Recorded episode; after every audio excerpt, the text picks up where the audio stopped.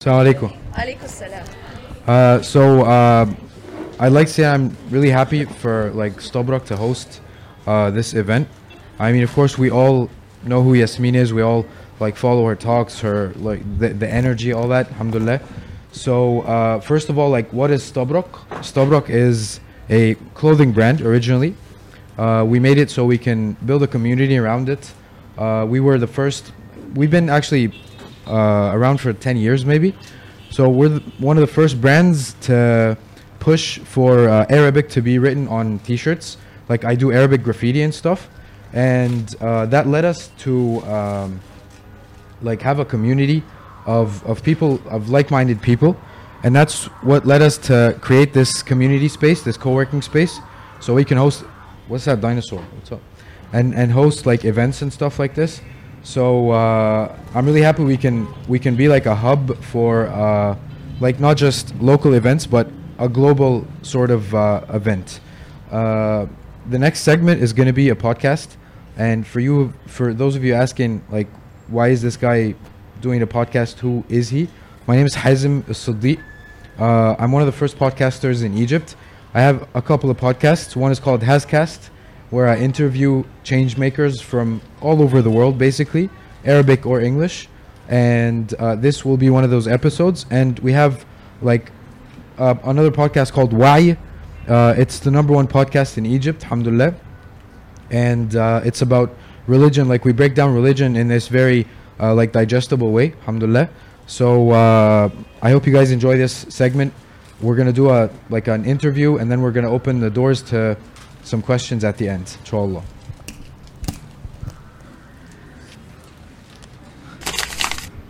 Yeah, you, can you hear me? Okay, can you guys hear me? No? Yes? Uh, how are you? Should I keep it there? No, no, you, you can, you yeah, can, yeah. say. Okay. Okay. You, you can just come a little bit closer so you can be in the frame, actually. Yeah. I was going to ask you a lot of the questions, but you, you, you kind of went uh, over them in the, uh, uh, in, in the talk you were talking about. Uh, so, I mean, let me ask you first how often do you come to Egypt? Okay, good question. I um so m- the last time I was in Egypt was one year ago. Um, Okay. Alhamdulillah. But since that, like before that, it had been almost ten years I wasn't able to come. Mm-hmm. But Alhamdulillah, now I'm trying to come at least once a year. Okay. Uh, well, like I grew up in, in Canada. Uh, I uh, I lived in Canada for a long time when I was little, and I have this issue where I don't really know where I belong. You know, like where like am I Canadian? Am I Egyptian? I, I'm not sure. So do you have such an issue? and, That's you, a- and your husband is Irish as well. So I mean, this is like Scottish, all but he oh, wishes Scot- he was sorry. Irish. Okay, he he wishes. had that. You know, he loves the accent. Okay. question about um, feeling like you don't belong. I think that's a really deep question. Um, I think because I've moved around so much, uh, not just traveling, but also even moving around. You know, like I was born here um, in Cairo, uh, and I went to America when I was a baby. So, um, you know, and then even throughout my life, and especially my adult life, I was moving all the time. Um, I travel all the time. So I think what that actually does is it makes the world feel a lot more connected and a lot smaller than you might imagine. You know, when people say, "Oh, it's a small world," like it really is. It really is a small world, and that's how I feel. So, I don't think it's so much I feel I don't belong in one particular place. It's almost like I feel like I belong in so many places. Alhamdulillah. really? So so you feel like home, like Mm-hmm. Yeah. globally, basically. I, I do kind of, yeah, yeah. Very I think because there's so many, um, there's so many people that connect, and when you start to realize how connected we actually are, we we, we start to feel like not as lonely, you know, not as isolated. And I don't mean connections like, oh, I have you on Facebook, but connections like at a deep level where there's like a shared human experience. When you re- when you recognize that, you feel a lot less alone and a lot more connected, um, a lot more integrated in the bigger sort of um, like global slash human, specifically Muslim community. I feel very connected to Muslims all over the world. Um, you know, it's amazing. I when I was just in Umrah and like, you know, you see people there, Mecca and Medina, from everywhere, and they'll recognize me. You know, and then I'll be, oh, where are you from? And it's like Africa or you know UK or, and it's just you realize that it's actually like, we're really like the Prophet ﷺ said, the ummah is like one body. you know, it, it, exactly, and and and if one part of that body is is in pain the whole body reacts right i mean you really sense that when you get the opportunity to connect with people everywhere like all, all over the world alhamdulillah Uh, so h- how has uh, the United States uh, helped your career? Like, ha- has it helped boost it? Uh, is it like an, an environment that helps for uh, like unique, uh, you know, careers like your, yourself and as a Muslim woman as well? I think I'm I'm very especially the more I travel, I realize that we are actually quite blessed in one specific way. Although, you know, um, you know, America is not a Muslim country, right? But I have the freedom um, that to speak in in you know in certain topics in certain ways that I don't have in some Muslim countries. Um, you know, uh, there there isn't as that type of like like my book. There's no issue in terms of um, the book coming in and out of the country. You know, but whereas there's a lot more restrictions in some countries, especially in some Muslim countries. Yeah. Um, although my book is of course not political or anything, but it's just there is that freedom. Um, you know, to some great degree, um, you you do have a sense where you can speak. You know, the khutbah, it's not handed to you. It's people are making their khutbahs and they have the freedom to say what they want to say in their khutbahs. Yeah. Um, so I, I think that's a privilege, and I think that that that, that is very. Um, uh, we are blessed, I think, in the in the, in the, in the American um, Muslim community. I think are, are are blessed in that sense. I remember when I started wearing hijab, and it was like there was like this shock in in my family in Egypt like you're living in a non-muslim country and you're wearing hijab? Like you know it was like almost like it was like uh, surprising. But I, I felt the freedom to wear hijab you know in, in where I was living alhamdulillah. Uh, I mean, this is this is something that I mean, maybe here we're not sure about. Like here, we have people who are all Muslims, so it's kind of easier for us if we want to get more religious, if we want to get more knowledgeable uh, about Islam. So I mean, it's kind of like we think it's easier, uh, and our perspective on like the U.S. or the U.K. or uh, or Australia or those places who wh- where there are communities. Uh, like we, oh, the we coffee's good yeah, it is. It's it's very good. Yeah. I'm gonna advertise for the coffee here So, what we see is maybe you guys are just trying to hold on to religion, and you're not actually improving on yourselves. Is that is that something that's not true? Here or in No, the no, west? there. there. Um no i disagree. I think there's a lot of space for improve and this is why i think that the freedom part the freedom you know freedom of speech you know of course there is some limits but essentially we we have that like i said you know the imam when he goes up to give the khutbah he can say essentially what he wants to say. Um, you know when i go Yeah. and give a talk i can i can say what i want. There is that that um, openness and I think what that does is it does give you the opportunity to grow and develop and not just survive. Okay. So so I think you're right though, but I think it's not the mentality I maybe the some of the first generation that, you know, migrated Yeah. um immigrated to the west, there was that that that survival mentality, you know, like we just need to make money and make sure that we can send money home and this is not our home and and there was that mentality. But their children and their children's children don't have that mentality anymore. It's more like we are americans. Okay, we okay. are we are british. We are whatever europeans and we're not going anywhere Yeah, you know? yeah, yeah, it's, It's- like it's your country, it's our country you know born and raised and many people born and raised and their children are born you know um like my like my, my husband's born in the UK. His mother was raised in the UK. So it's like it's not that generation where it's like we're always one step, you know, like one foot is back home. Yeah, so what is home? Yeah. Exactly. It is Okay. home. And so we, we have to make it that way. And so part of it is fighting for civil rights and you know there's that all of that movement. Um, and then and then the development, the spiritual development is very much important. Mm-hmm. Um, you know, because this is where where, where you have that room to do that. At least you're given that room to do that. And and I and I and I would be kidding you to say there aren't pressures. Okay. Right? There's pressures, but that's global. You know, that's anyone who has a smartphone um, re- now, right? It used to be like eh, certain p- places were sort of protected from the fitna, you know? Yes. But now the fitna's in our pocket.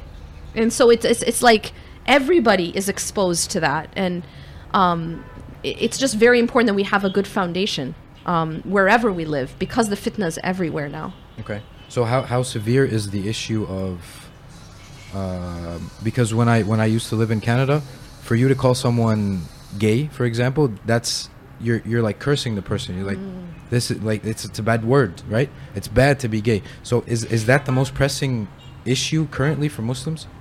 Um, I think it is. I think, um, and, and I would to, to clarify. I think the biggest, most pressing issue now is there's a lot of confusion, Okay. a lot of confusion, um, and I don't think that anyone is safe from that. Any region is safe right now from that confusion because it's, it's a, it's a, the way I look at it is it's um, it's an ideology. So here's the thing: it's like deen. Deen. What's the meaning of deen? Deen doesn't just mean religion, but it's a way of living. Okay, it's it's your way. So you know, the Prophet ﷺ said, um, "Al mar'u ala dini khalili." Right? What does that mean? That the individual is on the way of his closest friend. That's not just talking about religion. It's talking about you know you start to do the same things, you start to have the same habits, you start to laugh at the same stuff, you start to like you know you just become similar. So I believe that there is a there is an overarching like there's like a popular deen right now. And that deen is being exported. It's being pushed globally through the media. Okay, what's that deen? It basically to summarize it is the worship of the worship of the nafs, the worship of the hawa. So Allah talks about this in the Quran, Surah Al-Jathiyah in one place. He says, um, "Do you see the one who takes ilahahu hawa? Ilahahu hawa. This is the deen of today Yeah. that they're pushing, which is worship your hawa. What that basically means is anything I feel, any urgent, any urge I have, any inclination I have, any orientation I have, I obey it. No one has the right to tell me Exactly. otherwise. And there's no such thing as a higher morality above my hawa. Yeah. And that is very dangerous, but it is being export it's being propagated all over the world because we got Netflix and we got, you know, the platforms and that is actually the agenda. Like it's the it's like um it's the deen that's being taught. It's not Christianity, it's not Judaism, it's not atheism even. It's this. It's worship your nafs and your hawa. And there's nothing above it. You know, like that's your ilah. ما لكم من إله غيره you know like and then and then if you don't agree you're canceled yeah of course you're ostracized and if you don't want to teach your children don't worry we're going to come into the schools and we're going to force your children to believe this it's very scary but it is it is it is globe it's becoming everywhere now. And then some some are a little bit earlier in the pro in the phase in the in, like a different phase. Yeah. but the but the um the ideology is something that is being pushed globally. Because obviously we're all connected. Um, you know our platforms and, and the media is so connected. But this is this is what i think is the biggest biggest issue. It's it's bigger than just a you know a term you know it's about worshiping the hawa. Whatever your um, your inclination your your lust your um, your drives you just you just follow that. And there's nothing else that that is above that. That's your ilah. Very Yeah. dangerous. And and and what you said about uh, like everyone is is in on this like they they come to us through movies through all that stuff. And even if we're gonna say that we're not affected which is not true Mm. it gets us thinking. It's like so i mean when i was little i felt this so does this mean that i'm not what i should be you know? Yeah. and then it gets you and and and when they play like when they try to damage or eliminate these uh, the, the foundation of what logic is then they can do whatever they want you know? Um, yeah. I mean the, the, the issue is that he, here's something we have to understand. I- I- for us to really understand what's going on, we have to understand what an ilah is. Every human being has an ilah. Ilah is not, like I said before, ilah is not something just that you pray to. An atheist has an ilah. Yeah. Uh, uh an agnostic has an ilah. But what the ilah is, is what you put at your core. And then it becomes your master. So your ilah says, Sami'na wa. Your ilah commands سمعنا وأطعنا. Now, what does La ilaha illallah mean? It means that nothing, nothing else, nothing else, not my hawa, not my desires, not my money, Yeah. not people, not society, not fashion, nothing else has the right, has the, uh, is, is worthy of being an ilah for me except God. That's what La ilaha illallah means at the, at the fundamental level. But everyone takes an ilah. Everyone does. But the, the popular deen of today is take your hawa. That's your ilah. There's nothing above it. That's what you worship and that's what you obey. Because you you obey your your you obey your ilah. Yeah? So this is why Allah says um, that ilahahum hawa. Their ilah is their hawa. And if you do that, I mean think of how dangerous it is that whatever my urge, you know like wh- what happens when um, you know i want something and it's immoral? Yeah. what what happens when two people um, you know say they're not married? Where do we where do we say where is right and wrong? Yes. if two people that are not married can both have a you know a consensual attraction to each other does it mean that their relationship becomes legitimate? That it's moral? Why but well this is what i want. This is what i desire so the the absolute obedience to desire is very dangerous. Because then where do you where do you get your right and wrong from? Right and wrong doesn't exist outside of what i want. And that's that's a very scary situation. Yeah, yeah, I agree. Uh, the the uh, the title uh, that I mean, it, it says all over the internet that you are the first female instructor at Al Maghrib Institute. okay. How, how how significant is that for you, or for yeah generally? um i don't know i mean i think um You could be proud. I mean, No. yeah, I'm proud. I don't actually think about it. Okay. I don't think about that. Uh, that I mean, you, you saying it reminded me of something. It's not actually something I think about. Um, but I will say that growing up, um, one thing I felt about Al Maghrib um, at that time, like before I was an instructor, I never thought I was going to become an instructor with them or work with them. But one thing I really wanted them to do was to do um, more spiritual classes because at that time it was fiqh. It was just fiqh.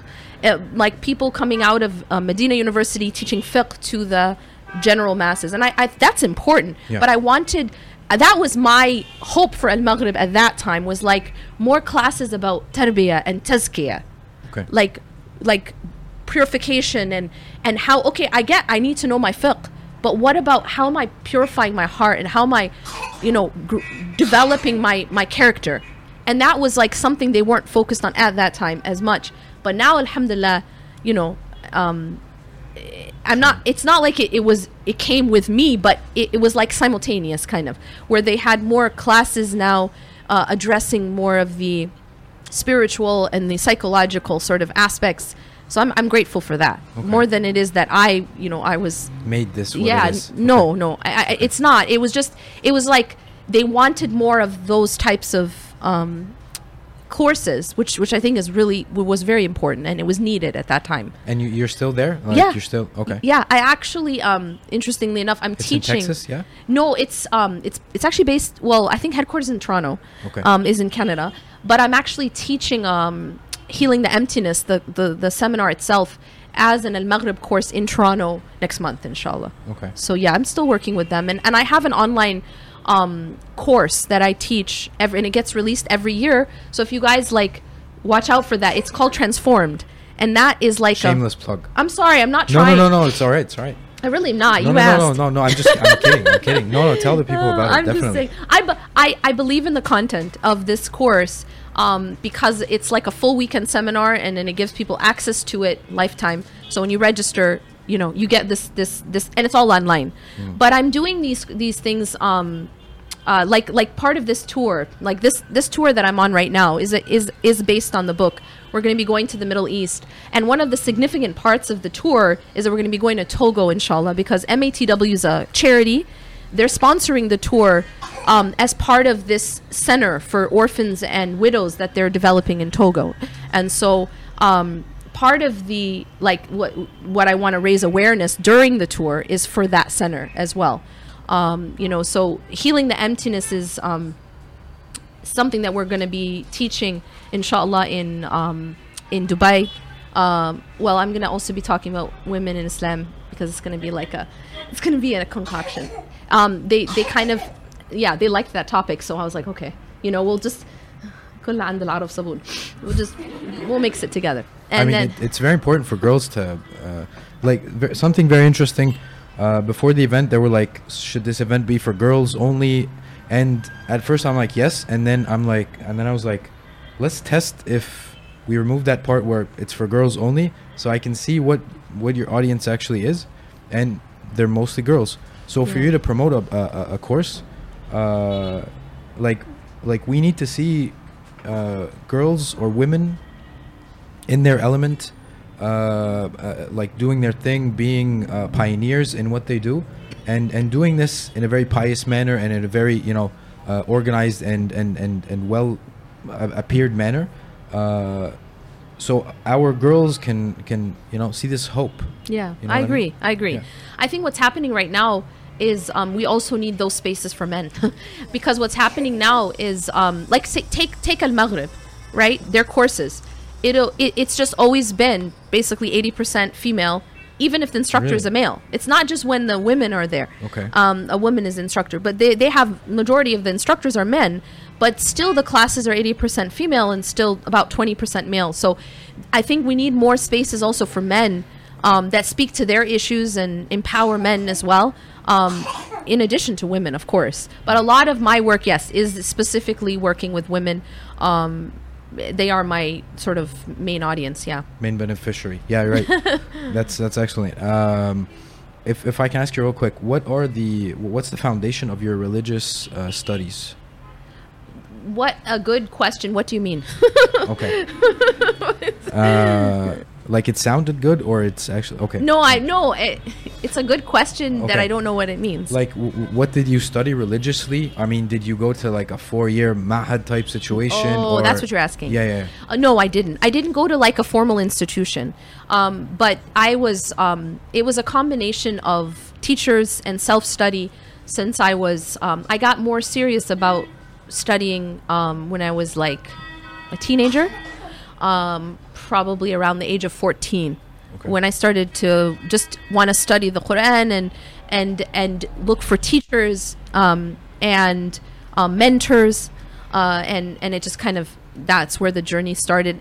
And one of the things that happened while I was learning is that I naturally wanted to share Okay. you know it was like I, w- I, I began writing when i was um like i began writing like my first like mus- like uh what do you call it? I guess islamic article was like when i was 18 right? And i published it in this magazine called el Jum'ah magazine. I don't know if you guys have heard of it. But it's like it still exists sort of but it was founded in my hometown. So like i've been doing that for a long time. Okay. and um i won't tell you how long but it was a long time and um and then speaking i've i've been like dawa like even when i was in high school uh, I would just I, I would learn and then I wanted to to like share so I would ta like talk to my classes about Islam you know because I went to a public school in America and um, so I would like give presentations about Islam when I was a teenager and then like talk to churches about Islam so it's just something natural that I I gravitated towards Nice. yeah That's awesome. Uh, so, mental health, right? Uh, here in Egypt, actually, it's called um, uh, what's it called? Sahha. Mm. Right. So it's not even. I I don't know. Is it the same thing? Like when you hear it. Uh, Sahha. Yeah, I mean, you you say mental, and then there's nefs, and then there's qalb. Yeah. So is it's like. Yeah, I get what you're saying. Yeah, yeah. Or it used to be ilm nafs, right, with psychology, yeah. right? Yeah, yeah. Um i think in this sense you you know you can get deep into the word nafs but in this i guess in this context it's being meant as self right the health of the self right essentially um, but i um, it, it's definitely something that's becoming more and more talked about Yeah, yeah. So, are you following the landscape here in Egypt about uh, like how uh, maybe broad this topic has become? How aware, like, are people aware of it? Are, are you following how how we're doing? in Egypt, Yeah. not in specific. I mean, I'm I'm more um, kind of looking at the global like trends right now. Uh, a lot of it that you see on you know social media, basically. As I was mentioning before, there's so much more uh, literacy, I guess, about these concepts and these terms that never existed when I was like going through stuff myself. Like, I just feel like, wow, I wish I knew what so many people now know. You know, I, I wish there was someone to tell me this is called gaslighting.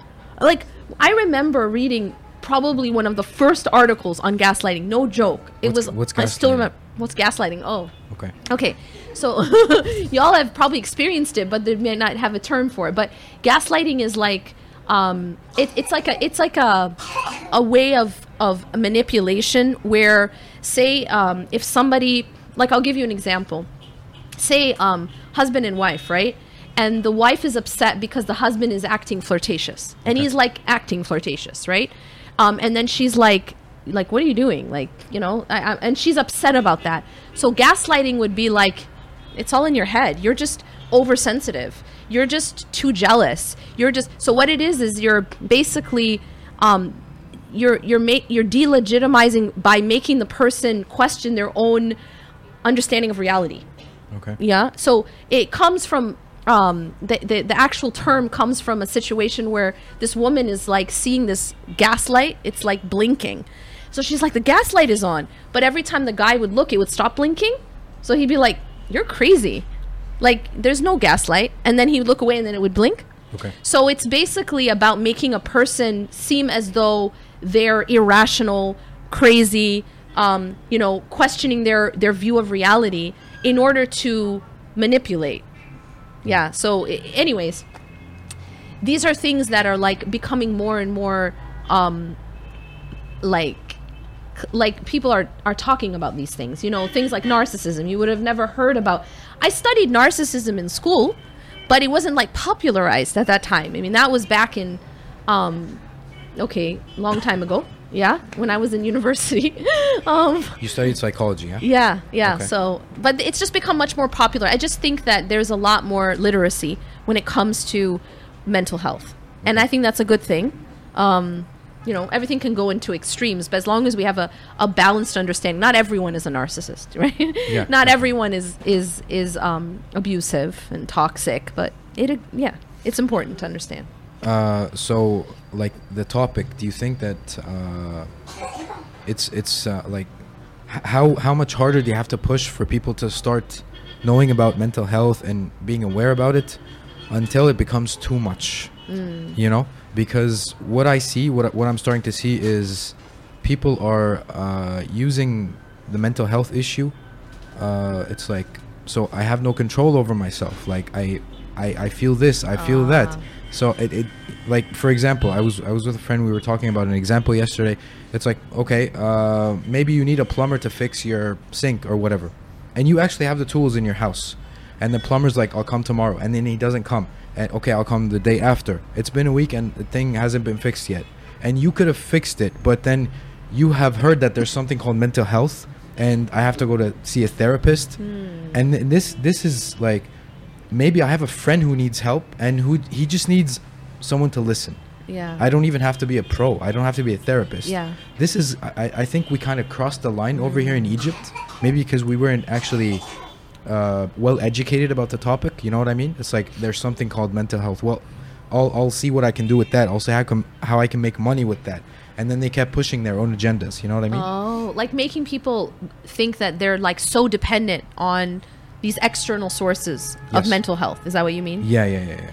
Yeah, and I think that's what I'm sort of was was touching upon is that everything balanced. This is the thing about our deen, right? Essentially, it is ummatun wasata, right? It's the the, the people of the, the the middle path, right? Uh, so yes, I think that there we we we've seen these extremes. Like for example, I'll give you another extreme with regards to mental health discussion you know, for so long, it was like, um, yeah, if you have enough iman, you'll never be sad. Yeah. Um, sadness is from shaitan.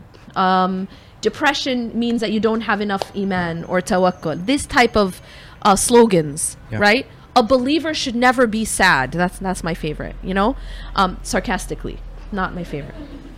a believer should never be sad.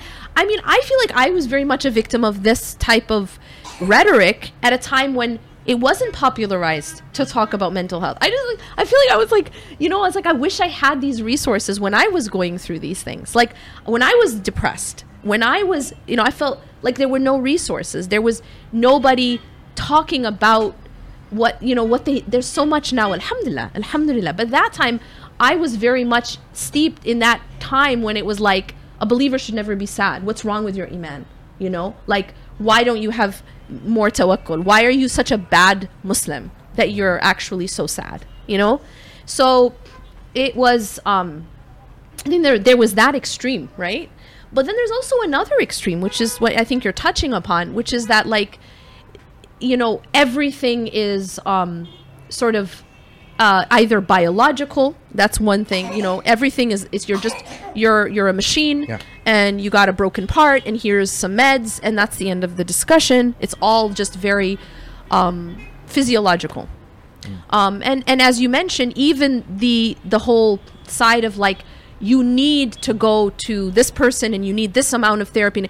Whereas you know maybe people they're not um, realizing that they do have some ability to also you know self heal too. Yeah. But we have to be somewhere in the middle you know where there is there are certain issues that definitely need a professional um or would greatly benefit from a professional right but at the same time and this is something that i that i definitely emphasize in healing in the book healing emptiness is that there is also so many tools that are given by allah and his messenger I and. I can't I can't pretend that there aren't. There you know, I can't discount those. So I, I want us to just, I guess, be in the middle and also holistic, where we don't look at the human being either as only chemicals, but we're also not only, you know, just pray more. You know, if you just have more iman, you'll never feel anything in your head. Like you'll never eh, you'll never experience these difficult things. No, it's not like that. You know, prophets felt sadness. Innama ashku bathi wa huzni Allah. This was Prophet who had Yaqub, yeah, Prophet Yaqub alayhi salam, who had sabrun jamil, right? Same person. And he's the same one who's saying, Innama ashku bathi wa huzni in Allah. I complain of my of my pain, my and my sadness to Allah. So he experienced sadness. This was a message that was didn't used to be communicated. You yeah. know, people were shamed, especially within the religious community, for experiencing any type of mental health challenges. They were shamed. I was definitely shamed. Flat out shamed. You know, you're just not a good enough believer. That's why you're feeling the way you're feeling. Can I ask you what that story was about? I mean, it was just it was just a, a period of time where I was just very. I, mean, I I I really experienced a lot of depression, and and I and as I was like learning why I'm going through this, I'm writing about it. Okay. Yeah. So trying to help other people as I'm trying to help myself, right? So you have to be in it sometimes to know it Yeah. Um, but I just think that while I was going through that, I had many experiences where people flat out shamed me. You know, you just don't have enough iman. You're just not a good enough. A believer shouldn't be doing, shouldn't be feeling what you're feeling. Yeah. Like flat out told to, to my face. And that is so destructive because it's like shame is not going to motivate you. Shame is going to do the opposite.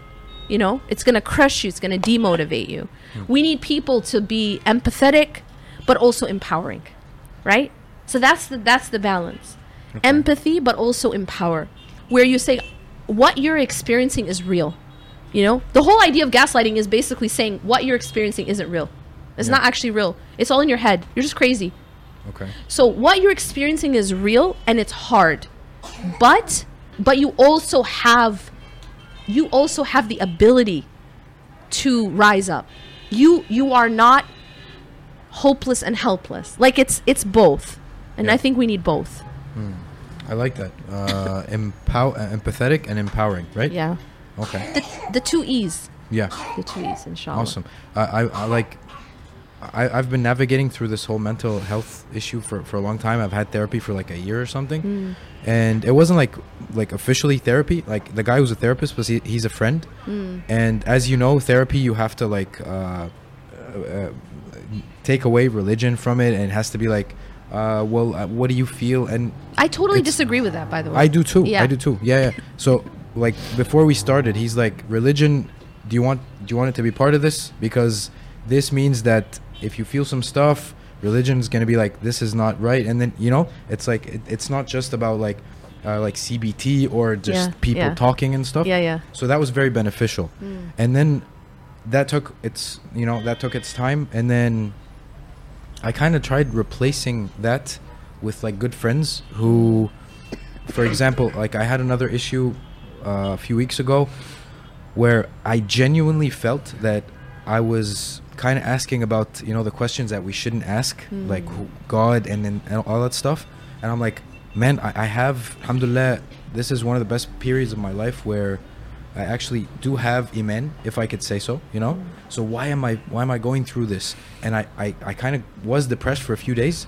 Then I went to a brother, and I told him this. He's like, where there's a, a hadith about Sahaba who had this issue, mm. and they told the Prophet sallallahu and he said, "Dharika sarihul iman." And it just went away like that, you know.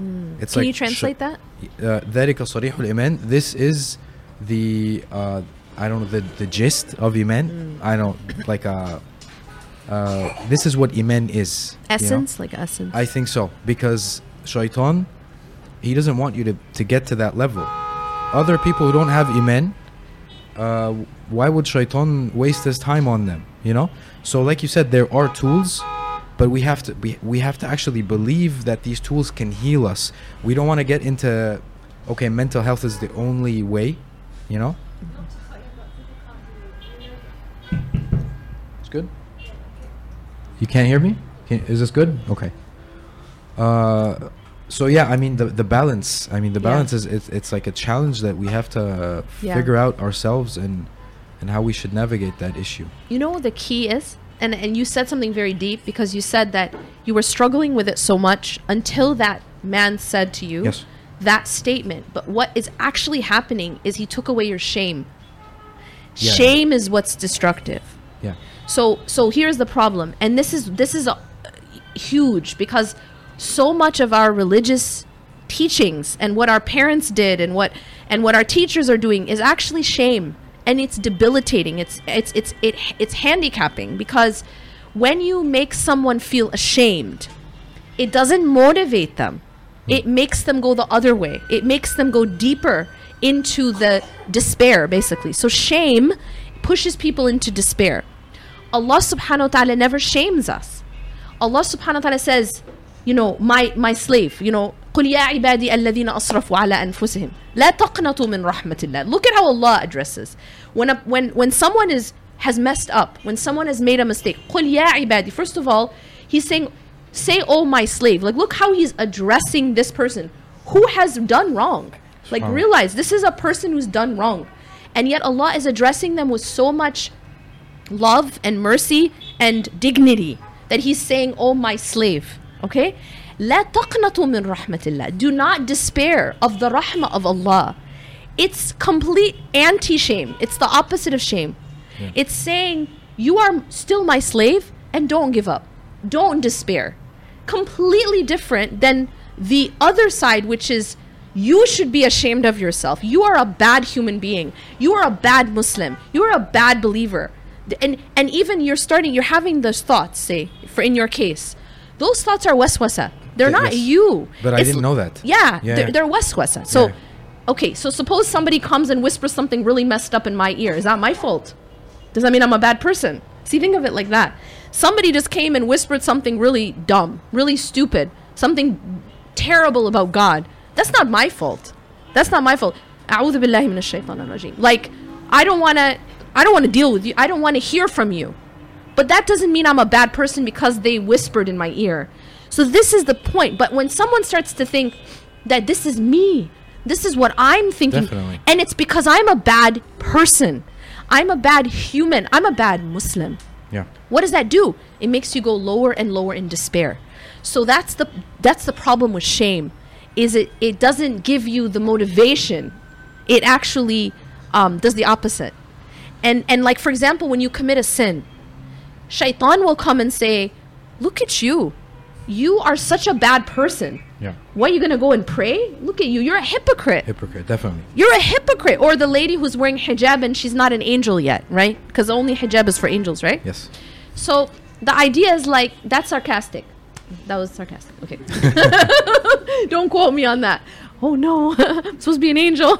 Um, you know, so so what shaitan will be like, "Look, you're such a bad Muslim, you should take off your hijab. You should take it off because you're not a you're not good enough. This is what shaitan does. He Yeah. uses shame to make us go away from Allah. You committed a sin, run away from Allah. Don't go to Allah. Go don't pray. You're just being a hypocrite. Stop praying. Take off the hijab. Don't try anymore. That's shame. Allah teaches us the opposite. Hope, mercy. You made a mistake? لا تقنطوا من رحمة الله. Don't despair of the mercy of Allah. Come. Hmm. You know, everyone makes mistake. All the children of Adam make mistakes. The best are those who repent. So Allah is like Allah's message is anti-shame. It's the message of rahmah, it's anti-shame and it's the only antidote to shame. Hmm. But the problem is unfortunately many of our religious teachings shame, shame, shame, shame. Yeah. It's all you made a mistake is because you're a bad person. Yeah. You you're you're sinning because you're a bad Muslim. You did this because you're a bad son. You're a bad wi- you're a bad wife. You're a bad husband. You're a bad daughter. That's all so toxic. It's shame. It makes the person not want to try anymore. Hmm. So this is something we have to be very careful about. We need to be giving hope and empowerment. And I, I just thought it was interesting because that's what that's what got you out. Is that this person took away your shame. Yes. That's true. And and that's I think maybe most of us just need a friend Yeah. who who can validate our feelings and be like, well, I mean, everybody goes through this. And Yes. What what you're feeling is is what you're feeling. Exactly. You know? Exactly. I remember one time I was talking to a sheikh while I was like in a very low place, and um, some a statement he said also really helped me with my own shame. Um, like I, I thought about myself, what's wrong with me? That am I am I am I like not a good Muslim? I'm not a good believer because I'm so I'm so down. You know. Yeah. Like emotionally, internally, I was so like um, what you call um, qabd Yeah. internally. Um, and and he said something so like profound to me. And he said, "Look, we go through all sorts of states. There is qabd and there is bast, right? So there is um, the expansion and there is sometimes constriction. And he said, you can know. He said sometimes. This is what he, this is what really was an antidote to my own shame. He said sometimes a person can be closer to Allah in qabd hmm. than he or she is in bast. Yeah. That did it for me. Because I thought to myself, it doesn't mean that I'm a bad person. I can still, it doesn't mean I'm a bad Muslim. Because sometimes you can be closer to Allah in qabd when you're actually feeling constriction internally. Because we have this idea like if you're spiritual and you're close to Allah, you should always feel like really zen, you know? Yeah. You're just like floating on a cloud and you're you're feeling so expanded and Kind of the expansive. opposite, actually. It's not always like that. Yeah, yeah. Yeah, it's not always like that. Like the prophets had the hardest lives. True. Yeah, True. yeah. And even internally, I'm not just talking externally. Because sometimes we think it's like, I must not be a good enough Muslim because I don't feel expansion inside. I'm not exhilarated all the time. you know? and that's not the case because Like, everyone yeah, is tested. Yeah. Everyone goes through states and everyone is tested in different ways. And sometimes um, we're tested through qabd, through Yeah. constriction. Yeah. You know, you don't feel that expansion, but you continue to worship Allah. You even like- in it. You mean like if I have sabr, but I'm kind of still down, but I'm performing what I should be performing. Yes. But it, but I'm not quite in sync with. You're not you know? feeling good. Yeah. Like in in, in, okay. layman's terms, it's not Islam is not, doesn't promise you like you're just going to it's not it's not a drug. Yeah. It's not like you're on a high, you know? Sometimes people want spirituality to just be another drug. Like I want this spiritual high and I don't feel the high so that means I'm doing something wrong. That's hmm. not the case. You know, sometimes you're going to pray and you're going to feel so high. You know, you're going to feel that feeling of like exhilaration. And sometimes you're not. Sometimes you're going to feel maybe nothing. Yeah. Sometimes you're going to feel down. Sometimes you're going to feel constricted. Life is all these states. And and the, the, the goal isn't to always feel high in the sky. It's never going to happen, and that's not the goal either. Um, the goal is to just keep your to keep worshipping Allah through all Yeah. the states. Yeah, yeah, yeah. You push through all the states. That's tasabbur. That's sabr. You know? You know the last ayah of Surah Al Imran? It's so powerful and it summarizes this. يا أيها الذين آمنوا أصبروا وصابروا ورابطوا واتقوا الله لعلكم تفلحون. O So- you who sabiru, believe, Yeah, أصبروا. O you who Sabr. believe, have sabr. yeah.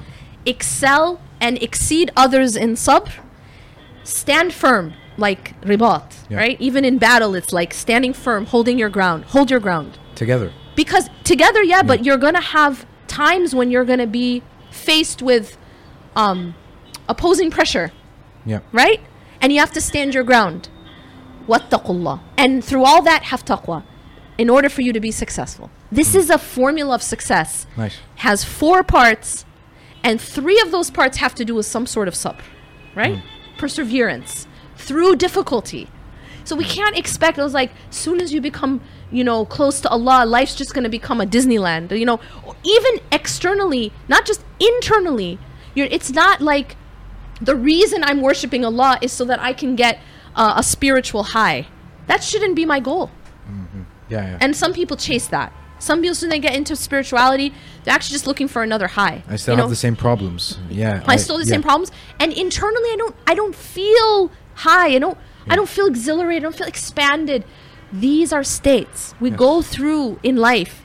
We should not expect, you know, that a believer is always going to feel expanded internally. Allah is one of His attributes is Al Qabid, right? Hmm.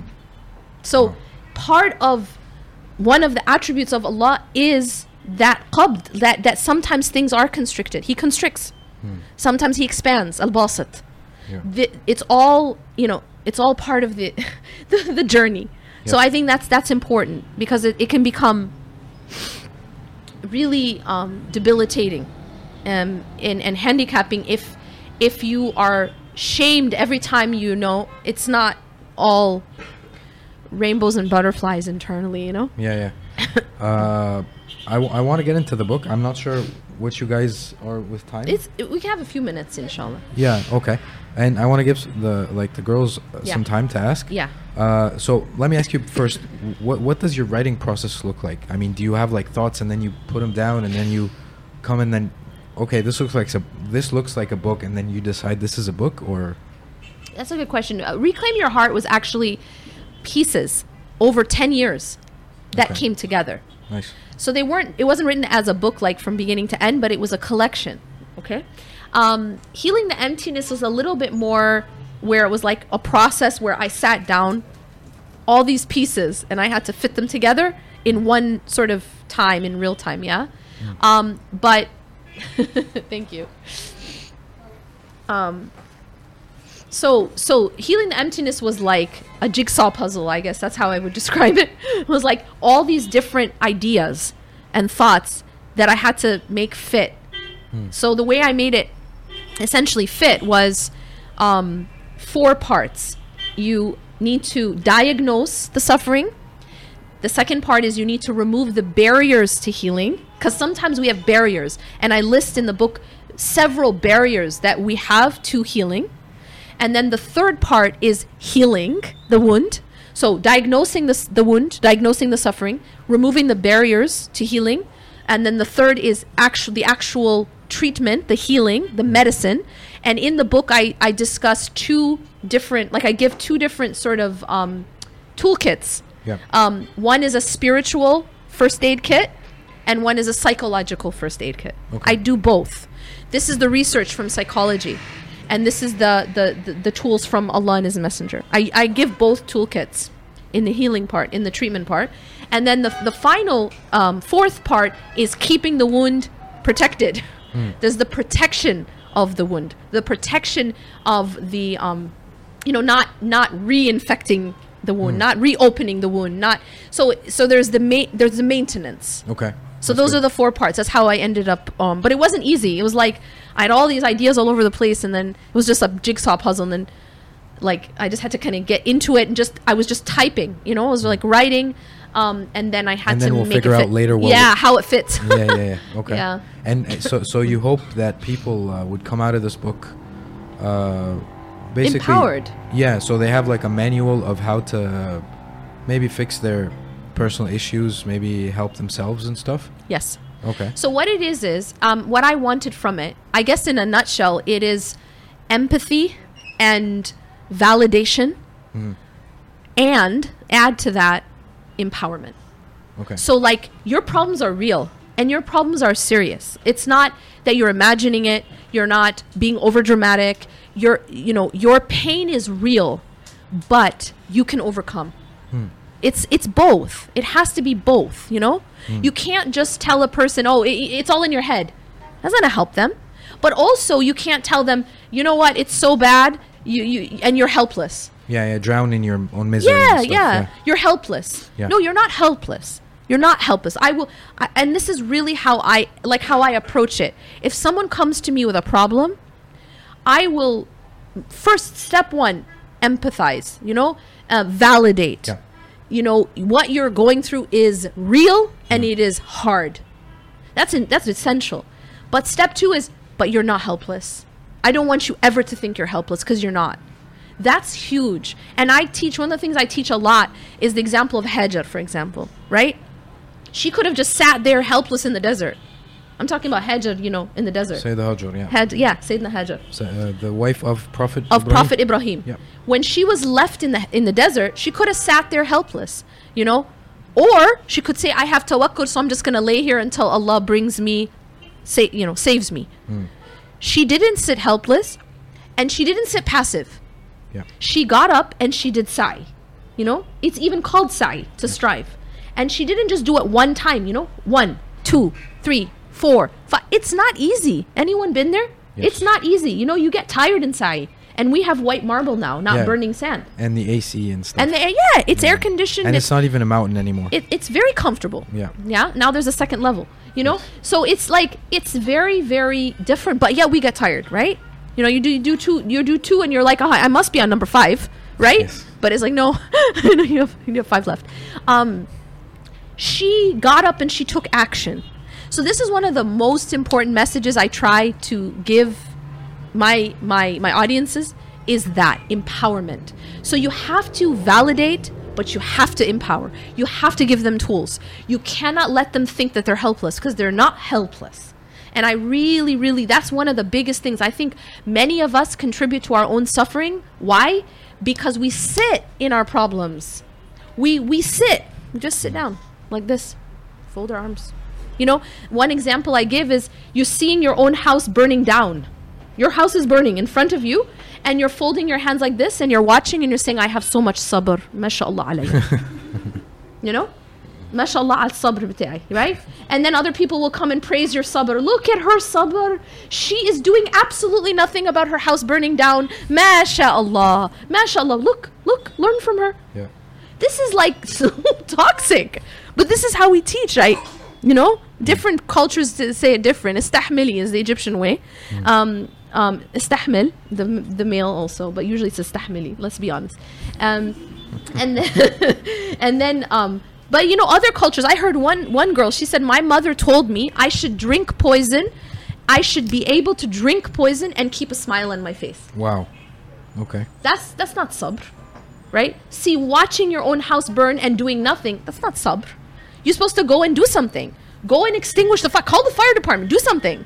So this is one of the problems I would say as a common denominator in many people who reach out to me, talking to me about issues that they're struggling with, is they're sitting in the problem.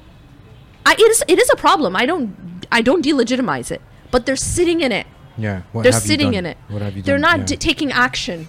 Yeah. You know? So so that's a huge part of it. Even Musa alayhi salam, he was told to take action before Allah split the sea. Right? Yeah. Right? What was his action? Uh, no, Exactly. sorry. Yeah, yeah. Strike the sea with your staff. Yeah. So we know the story of the sea opening, but he also did something. Yeah. And he was commanded to do something first. Hajar did something. She ran Safa and Marwa, Safa and Marwa, not once or twice, seven times. That was hard. And she was dehydrated. She was probably about to die. Leaving like, her baby Yeah. behind. Yeah.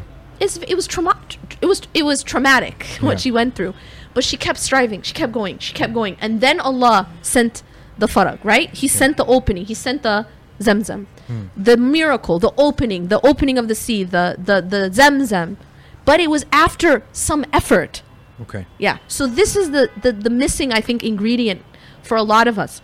I like that because people who are actually in this this state, they're like, oh man, now now I have to do something Yeah. about it. So so yeah, this is it's very it's a very important thing because then you face yourself and sometimes you just walk out of it. You're like, well, I'm not gonna do all that effort. I'm good, you know. Yeah. And then you just shake it off and you were like you were making it up or whatever. I'm not Yeah. saying everybody, of course. yeah. Yeah. So I have like so many more questions, but I don't want to like uh, uh, deprive these uh, nice people asking you. Uh, I I could just ask a final question for myself. Yeah. Uh, can you give me like maybe one to three books that uh, you really like that actually kind of changed your perspective on life a little bit? Reclaim your heart. Um, That's your healing book. the okay. emptiness. Yeah, yeah. Yeah, I I expected that. All right. You knew. You knew. Yeah, yeah. And love and happiness. and I said one to three because I I have three books, Yes. yeah. Yeah, yeah. no, I totally joking. um, um, I- really, this is gonna sound crazy, but it wasn't like a book I read. It, for me, it was very much experiential, and I had to like. Obviously, obviously, I had so many um, important mentors in my life and so many important teachers, and it was essential for me to study the Quran. I tried to study the Quran by reading the Arabic, then look in the translation, read the Arabic, look at the trans, take notes, stuff like that. That was essential. But God, the, the, the really deep lessons were like learned through pain and, and getting it wrong over and over and over um, and then like being forced to change, if that makes sense. It wasn't a page I read in a book. I wish I had a book. I'm sorry, but I wish I had Reclaim Your Heart at that time. You know, nice. like I wish I could have read it myself, so I can be like, wake up, you know, wake up, look at what you're doing. Cool. You're you're hurting yourself. But it was like I had to learn the hard way. You know, if that makes sense. Yeah. Those lessons. It wasn't something I read in a book. It, you know, taban the, the the foundation was something. Alhamdulillah, I learned through um, through my religious upbringing. So, uh, sort of to answer your question, I guess you asked before, my upbringing was very much founded like like the roots that I grew up with were very much Quran and Sunnah. You know what I mean? Like we were very much into like, is it Sahih? You know that Yeah. that that stuff. Like, if it's a Hadith, is it Sahih? Yeah, yeah, yeah. Um, and and the doubting Quran every doubting everything in the yeah, Quran, yeah. the Sahih and the Quran. Yeah. Like that was very much the foundation. And then I started to learn like um, some of the like tazkiyah. So it was being the tazkiyah was on top of the foundation of this like aqidah, very much like Quran and Sunnah. You know, you know what I'm talking about? Yes. Um, that was in the 80s, like in the not the 80s, the 90s, 80s, like in the 80s and 90s. It was very much that was sort of what was uh, prevalent and the movements and mm. the movements right? Uh, prevalent at that time. So but then you i built on that the the spiritual side but it has to have a foundation. I agree, you, I agree. if you don't have a foundation you just go the tide. You know you end up who knows where you end up. Al-hawa. yeah yeah yeah hawa is up or you're chasing a spiritual high. Yeah. so you have to have a foundation in the quran and the sunnah and the, and the relationship with you know understanding it fundamentally and then building on that the the the, the hmm. tazkiyah, the, the tarbiya and everything like that um, but yeah I, I i so in terms of books though i will say um the quran the the the, the sunnah there is one book that I taught for a long time. It's a I think it's a great summary. It's in English. This is the thing is I'm not I my books I read in English. Yeah. Um, I, I, wish my Arabic was stronger to be able to read in Arabic, but I read in English. This one is a is a it's a compilation and a summary of the works of um, Ghazali, rahimahullah, Ibn, Ibn al-Qayyim, and another sh- uh, sheikh who all these like uh, scholars of the heart, right? Yeah. And it's called Purification of the Soul. And it's like a really like outdated cover, and you might just like overlook it, but it's such a gem. Is it a translation Yeah. of an okay? So what it why it's so it's so deep, it's so good is because they've taken like summary of their works of like Ibn al-Qayyim and um, Ghazali and um, Ibn Rajab, I think, and um, and then they've they've they've distilled it, like taken it, summarized it, and then translated it. So it's for people in the West, it's a very very good resource um, for just general tazkiyah. Nice. Yeah. I like that. Uh, I could go on for a long time, like I said, but uh, uh, if if you still have some energy, we can take some questions. Sure, yeah, that's, cool? fine. I drank coffee. It was very good coffee. Okay, that's awesome. Uh, do you guys have any questions? okay, go ahead.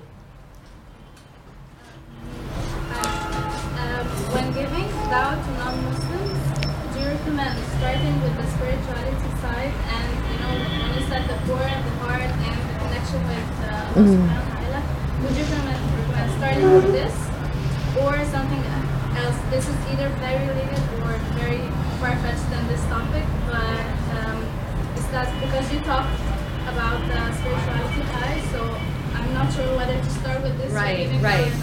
So good question.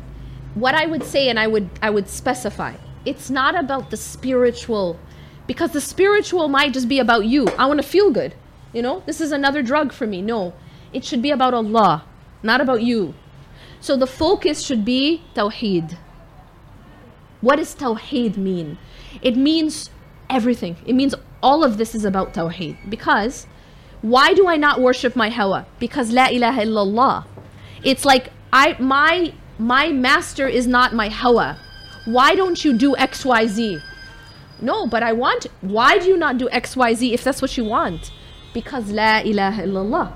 Why do you pray 5 times a day? Why not just 3 times?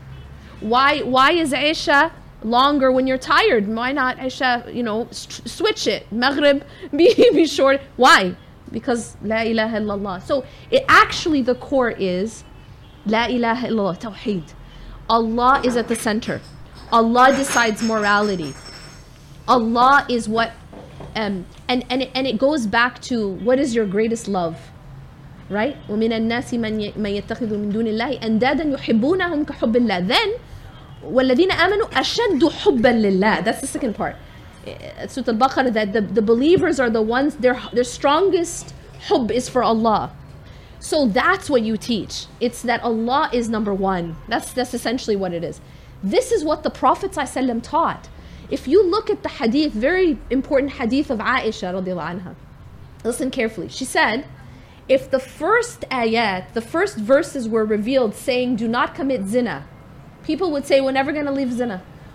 If the first verses revealed said, don't drink alcohol, people would have said, we'll never drink, we'll never leave alcohol. Who are these people? These are the companions. She said, but the first ayat were not about these rules. They were about the day of judgment, about la ilaha illallah, about tawheed, about, about what is taqwa, right? What are these essential things? And then the rules came ba'din, they came after. And when after they were told to stop drinking alcohol, they poured it immediately. When the command came for hijab, they immediately like covered themselves. But if it had been at the beginning, they would have said no. Okay. Yeah, go ahead. I guess from what you said, we're not chasing this high feeling. Could you I, I'm having trouble hearing you. Okay. زعقي شوية. Uh, the high feeling or like the good feeling of spirituality, this is not what we're chasing in general. Uh-huh. But what what should we like make? Uh, what thing that we should find in our life that makes us feel like oh we're on the good track? If it's not a spiritual one. Good. Very good question. Thank you for I'm gonna repeat her question. So if if the gauge of where I'm at is not supposed to be my spiritual high, then what should the gauge be? Am I on the right track? You know what the answer is? How well do I obey Allah? Full stop. Yeah? That's it. It's not how I feel. It's what am I how sub how um how obedient am I as a slave? How obedient am I able to be? When Allah says this is haram, I, I سمعنا وأطعنا. When Allah says pray, pray at Fajr time. Pray not whenever you wake up. you get you understand what I'm saying? Like not whenever you feel like it. When Allah said, and how much can you obey that? That's your gauge. How much am I able to submit and obey? Because I'm slave and he's master. What does it mean to say Rabb? What does it mean to say Abd? What does Abd do? Abd obeys the, the Rabb. Like that's just that's the that's the way it works. So the question is how how good of a abd am I? Not how do I feel? not how do I feel. It's what am how how well am I obeying Allah subhanahu wa ta'ala's commands. And if I find it's very difficult, if I find it's very difficult to pray Fajr, it's very difficult to stay away from haram, it's very difficult to, you know, not obey my hawa, that my hawa is leading, then that is a sign that I need to do work inside. I need to do work on my heart. It's not about how I'm feeling. I might feel high in the sky following my hawa. Right? A lot of people feel, you know, they feel they feel pleasure, but they're actually it's the pleasure of the an'am, right? أولئك كالأنعام بل هم أضل, right?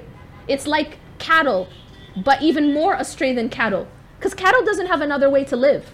Cattle eat, sleep, and reproduce. That's all they, they know how to do. They don't, cattle doesn't say, well, before we, you know, re, before we mate, do we have nikah? We have to make sure this is halal. The, the, the animal doesn't have that ability. Human being does have that ability. But if the human lives like an animal, they become belhum adal, right? Because it's like, I feel it, I obey it. You know, the, the, the animal doesn't ask, the animal says, I'm hungry. It doesn't say, is it Ramadan? Right? Is it, can I eat right now? Is it correct? Is it not? Is it Maghrib yet? The animal f- feels hunger, animal eats. Animal wants to mate, animal mates. Animal doesn't ask, are we married? Is it halal? Yeah? Um, so if a human becomes like that, whatever I feel, I obey, then we are reducing ourselves to lower than the an'am, lower than the animals. Right? So that's very important. ثم رددناه أسفل سافلين. Right? Um, but that's the question you have to ask. If it's very difficult to obey, it's, ah, it's so heavy to worship Allah. It's so heavy to pray. So it's so difficult to stay away from haram. Then it's just it's internal work. Inna fil jasadi mudgha, right? In the body, there's a lump of flesh. إذا صلحت صلح الجسد كله. If it's set right, the whole body will be set right.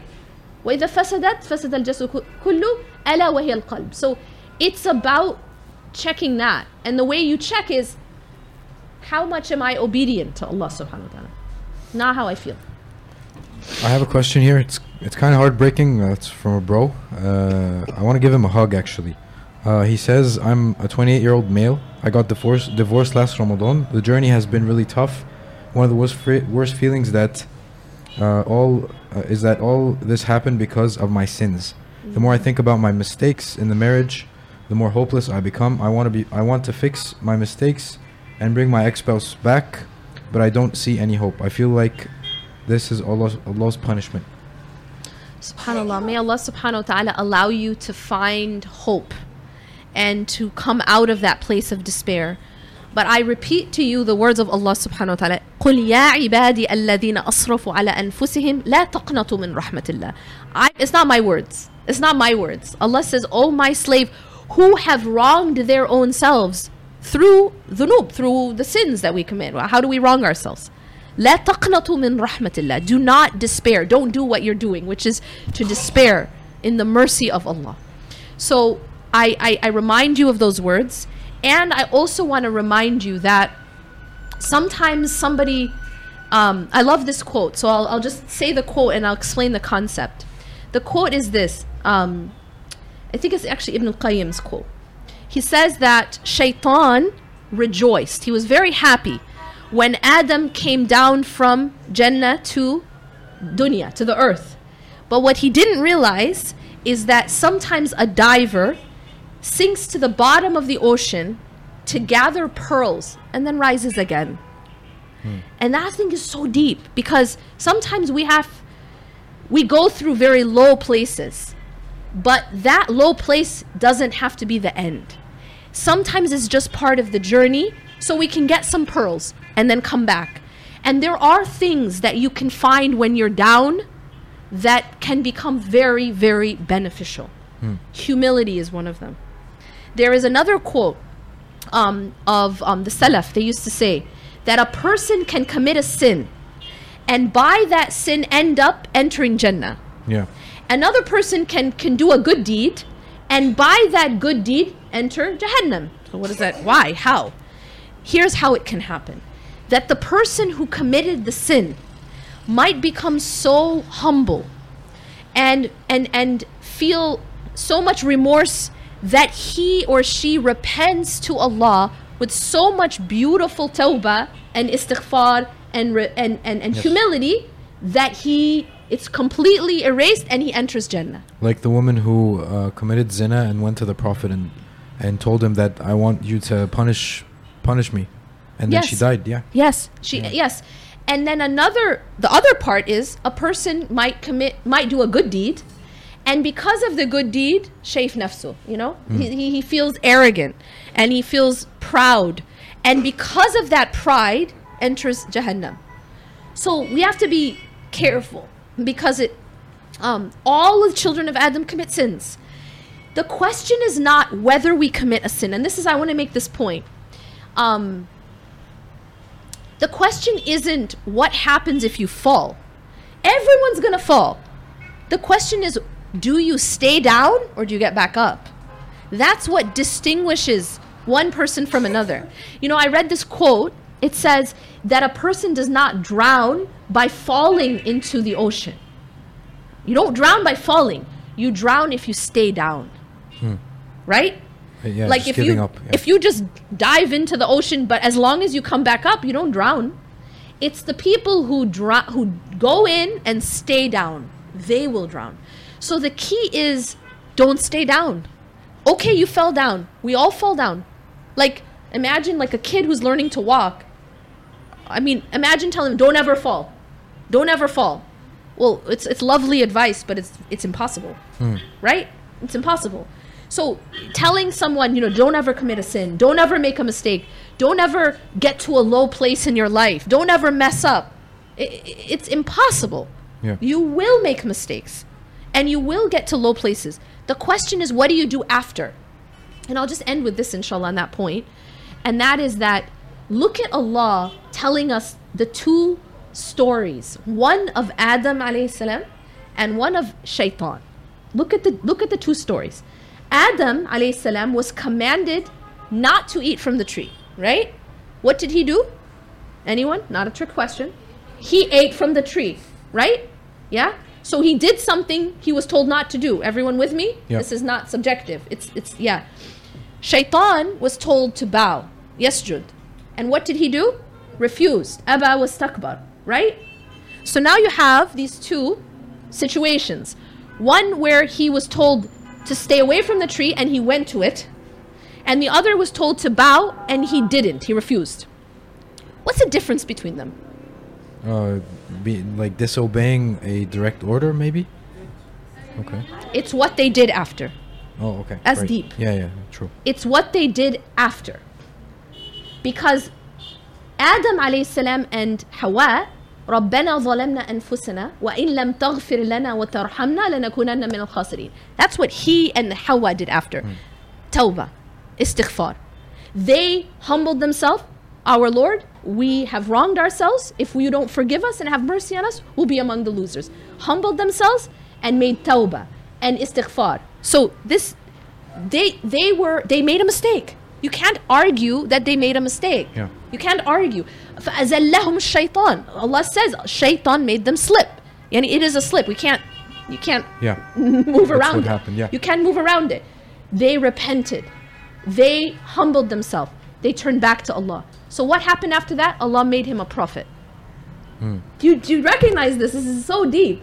Allah's telling us this story for a reason. Because He's teaching us how to get back up. Hmm. He's showing us an example of our father who fell, who slipped, slipped. Literally, the word is فَأَزَلَّهُمُ الشَّيْطَانِ Meaning shaitan made them slip. So he's teaching us, here's what you should do when you slip. ربنا ظلمنا أنفسنا وإن لم تغفر لنا وترحمنا لنكونن من الخاسرين. They repented, they humbled themselves, they turned to Allah, and then Allah honored Adam after that with making him a prophet. Now look at Iblis. What did Iblis do when he messed up? Iblis d- refused to bow because of arrogance, right? But what about you and me? Have you ever in your life missed Fajr prayer? One? Maybe, maybe. You don't have to tell me, but we all know. If you miss one Fajr prayer, one, in your entire life, how many sajdas have you refused? Not one sajda, four.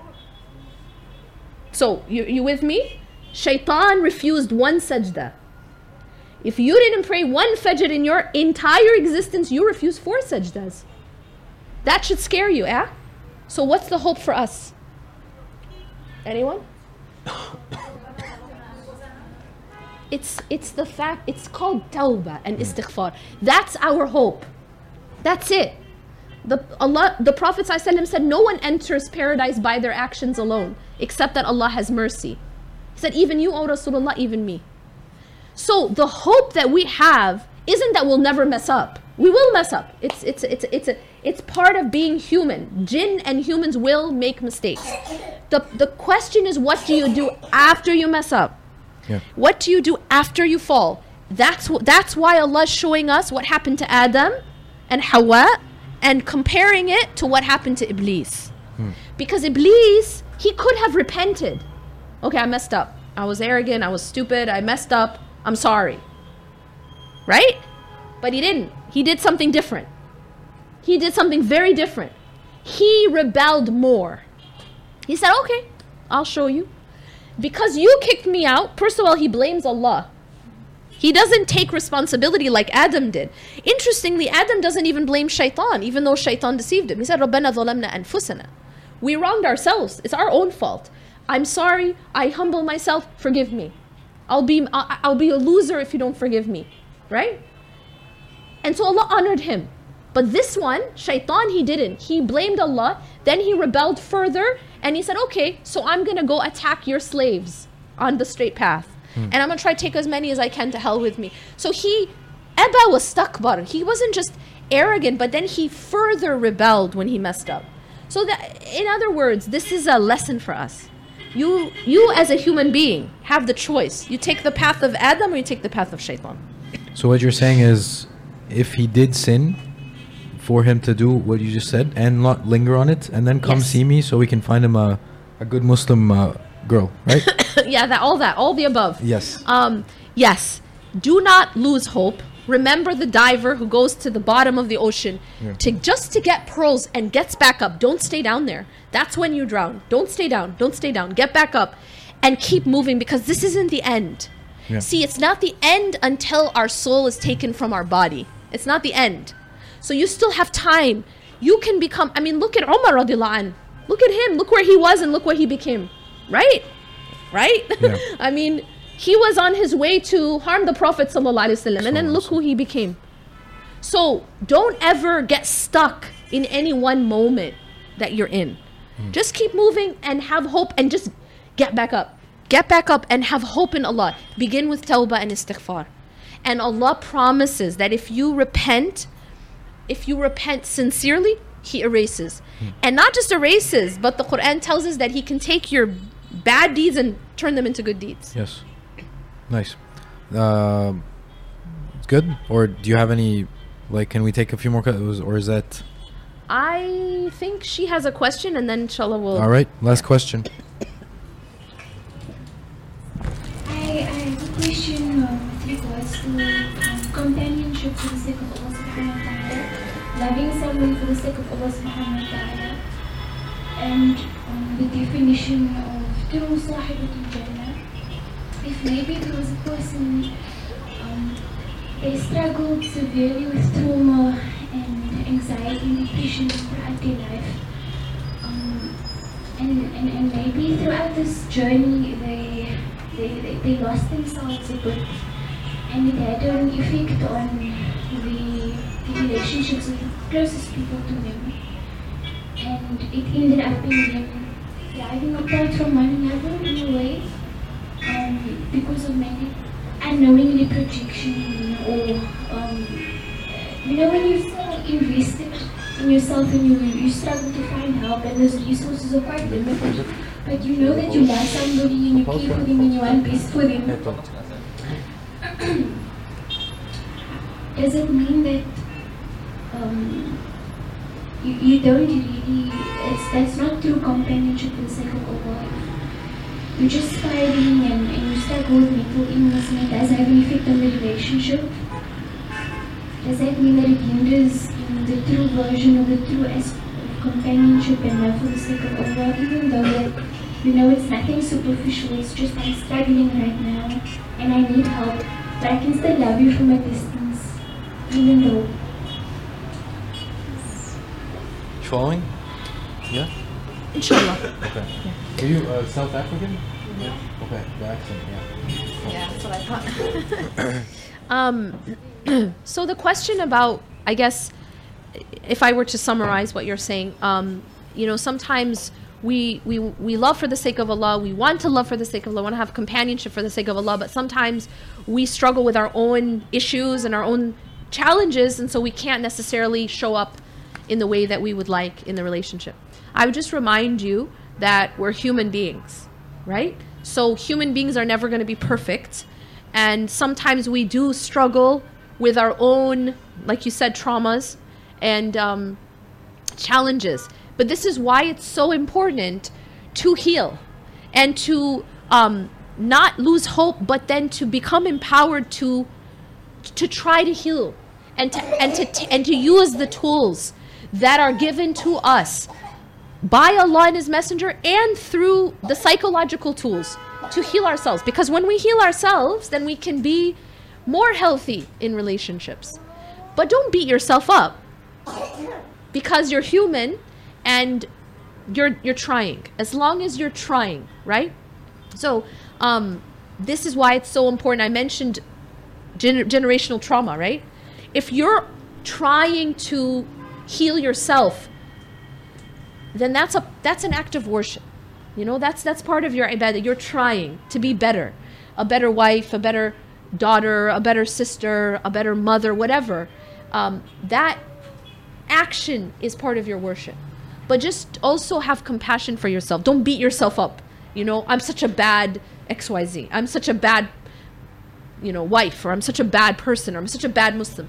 No, I'm a human being who's suffering and I'm doing my best. May Allah subhanahu wa ta'ala make it easy. I also wanted to add for the for the and it, it's related to your question but also the previous question about good companionship, right? Because he was separated, you know, he was divorced and there's the issue of the of the relationships. Do your best with Allah and then ask Allah for good companions. That's very important. And this was a dua that the prophets had. Walhiqni bisalihin, Ibrahim alayhi salam asked. He was Khalilullah, right? He was Khalilullah and he is asking, you know, surround me with the Salihin. You know, um, Musa alayhi salam asked that Allah brings Harun as a support for him. Yeah. So, so even the prophets asked for good companionship. So this is something we should ask Allah subhanahu wa ta'ala for. Um, Muhammad wasallam, he was given good companions. He had the support of Khadija from the very beginning, radiallahu anha, and then Abu Bakr. You know, th- this was part of the support that Allah gave him through people as well. So asking Allah for that. جزاكم الله خيرا أقول قولي هذا واستغفر الله لي ولكم إنه غفور رحيم سبحانك الله وبحمدك أشهد أن لا إله إلا أنت أستغفرك وأتوب إليك جزاكم الله خيرا It was really um, an honor to be here in my birthplace, my roots, alhamdulillah. Um, my parents' home is just down the street, literally. So I'm very much in my my roots. Um, and I hope, inshallah, that we can we can meet again, um, maybe in a more you know more people. Inshallah, we can Inshallah. we can we can um, few thousand. Inshallah, inshallah, we can um, invite more. Inshallah. Jazakumullah khairan. By the way, um, the book itself, Healing the Emptiness, um, and Reclaim Your Heart, and I think Love and Happiness, uh, they're available on Amazon. Um, I was told it is available on Amazon Egypt. So, um, inshallah, um, you Like the hard copy or just the uh, ebook? The physical copy is. Okay. Yeah. I, I don't know. I, I'm assuming the ebook should too, inshallah. But Yeah, I think the ebook physical, definitely, Yeah. yeah. yeah, yeah, The physical copy should as well, inshallah.